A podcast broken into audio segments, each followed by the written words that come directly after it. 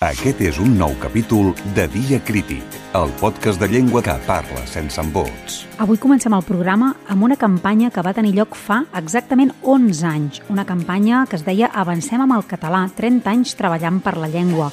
Estava organitzada pel Departament de Cultura a través de la Direcció General de Política Lingüística. Es diu Dona corda al català. Vinga, pareu les orelles, a veure si us sona.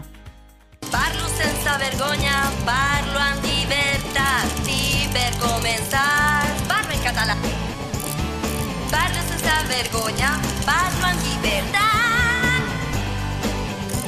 I si m'equivoco, torno a començar.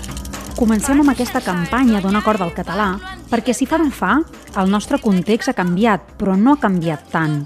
I per això també recuperem un llibre que es va publicar l'any 2013 que es deia Qui estima la llengua la fa servir, escrit per en Quim Givert. Ell és psicòleg i és una persona que ha estat vinculada de tota la vida, podríem dir, al moviment lingüístic. El llibre d'en Quim Givert està format per una sèrie d'articles que ell escrivia com a col·laborador al diari digital de la Universitat de València. I fet i fet, Barcanova li va demanar si els podia recopilar i fer-ne un llibre. Era més que un manual, era els catalans i l'ús del català. Dia Crític, el podcast de la llengua catalana per als qui pensen que el català té solució. Avui volem parlar amb en Quim Givert perquè el seu llibre, malgrat haver-se publicat fa exactament 11 anys, no sembla ser massa allunyat del que passa avui dia al nostre context sociolingüístic. Quim, diries que el context en què vas escriure el teu llibre s'assembla al que vivim actualment? L'estat de la llengua ni molt menys s'ha normalitzat i, i més aviat doncs, eh, sembla que, que no tingui doncs, eh, un futur molt clar, sobretot perquè és percebuda com una llengua insegura. La sensació que té molta gent és que l'altre no l'entendrà i, per tant, sovint davant d'una situació, per exemple, a l'aeroport, no? que si no puges a l'avió quan toca doncs pots perdre el vol, o en una frontera, o en una situació sobretot de jerarquia lingüística, que se'n diu, davant d'un jutge, eh? davant d'un àrbit de futbol, davant d'un policia que et pot posar una multa, el català sempre queda relegat. Sempre tenim por, perquè la majoria de jutges són castellanoparlants i, i sovint hostils. Aleshores, això és una situació de desemparament après, que se'n diu. Els catalans han après que la seva llengua doncs, eh, no pot ser una llengua d'ús habitual. Així doncs, tu com a psicòleg creus que la part psicològica ens condiciona en l'ús de la llengua? Condiciona però no determina, com tota la vida, no?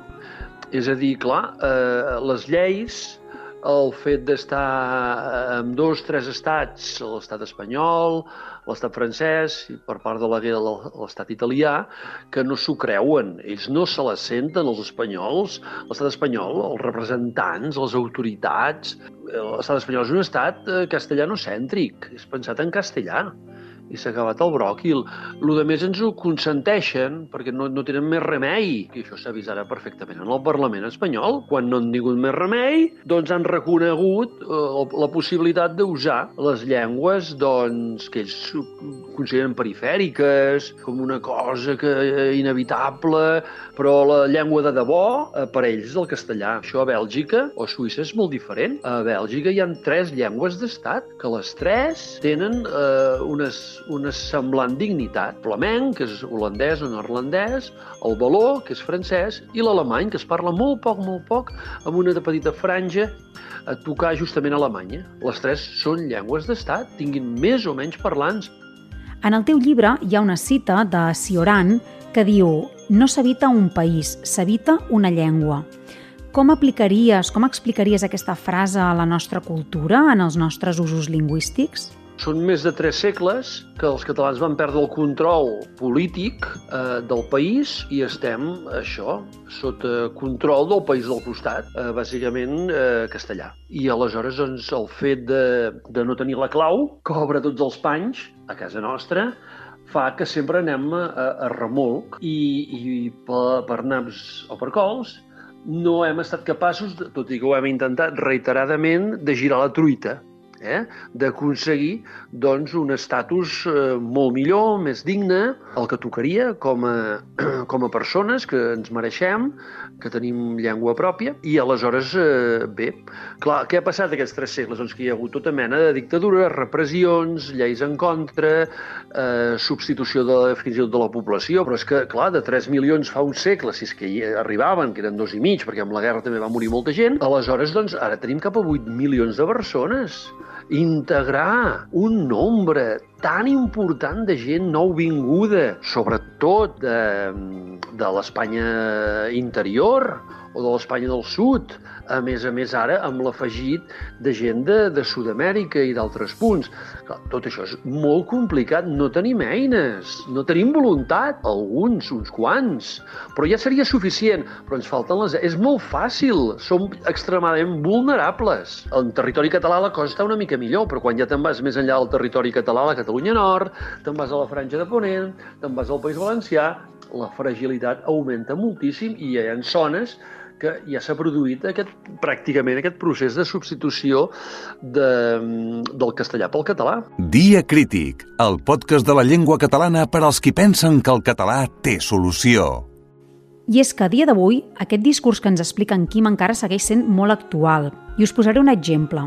Darrerament, aquest octubre, s'ha fet viral un vídeo d'unes noies, que es diuen Camputades, que són unes garrotxines afincades a Barcelona. Elles creen contingut en català i tenen més de 60 cas de seguidors i seguidores a TikTok. Vinga, escoltem-lo.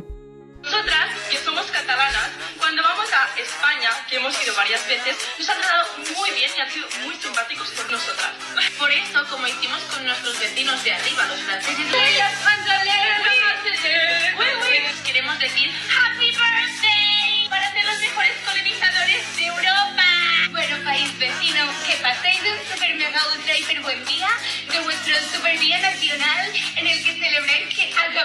con un montón de cultura. Els catalans i les catalanes sovint estem fatigats i fatigades d'estar sempre en lluita o en aquest estat d'alerta. Això ens desgasta.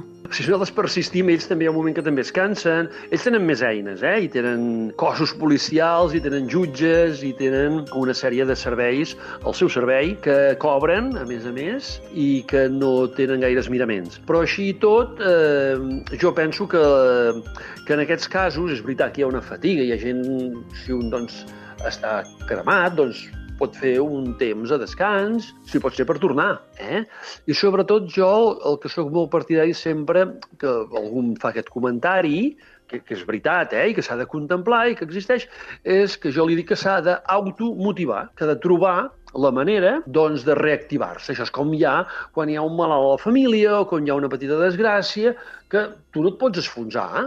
has de mirar de d'aixecar el cap i volar, perquè de vegades també és molt fàcil dir, ah, és que jo estic eh, desmoralitzat. Doncs, a veure, amb la llengua, d'acord, ja ho puc entendre, eh? doncs això, mira de recuperar-te, mira de prendre-t'ho bé, mira de fer una cosa diferent, de renovar-te, reinventar-te, però no oblidar de que el tema de la llengua és un tema fonamental, és una pedra angular, mm. i per tant, eh, te dic tot això perquè al final tu mateix doncs, trobis raons eh, interessants, creatives, alegres, eh, seductores, per tornar doncs, a, segona fila, si tu vols, a tercera, però ser-hi, ser-hi per eh, no abandonar, no abandonar, perquè és abandonar-nos a nosaltres mateixos, també, d'alguna manera. I seguint en aquesta línia psicològica dels usos lingüístics, el trauma és quelcom que ens afecta individualment, però també com a país, com a individus que hem patit repressió i persecució lingüística, com expliques com a professional de la psicologia que podem reneixer i aprofitar tot aquest dolor? De traumes en, en té tothom, de petits, de més grossos, però és veritat, nosaltres som una, ciutat, una societat que eh, se'ns ha de traumatitzar periòdicament per recordar-nos que qui mana és qui mana. I, per tant, periòdicament també tenim situacions posttraumàtiques, no? Clar, si a mi aquell policia o aquell àrbit de futbol o aquell jutge m'ha castigat, per usar una llengua i no usar l'altra, això queda enregistrat. Com deia Nietzsche, el que no ens destrueix ens enforteix. Si voleu tenir una mica més clar per què hem de fer servir el català, qui estima la llengua la fa servir. Un llibre d'en Quim Givert, de l'editorial Barcanova. Segur que us serà de molta utilitat. Dia Crític, el podcast de la llengua catalana que posa al punt de mira les fortaleses i les debilitats de la llengua dels països catalans.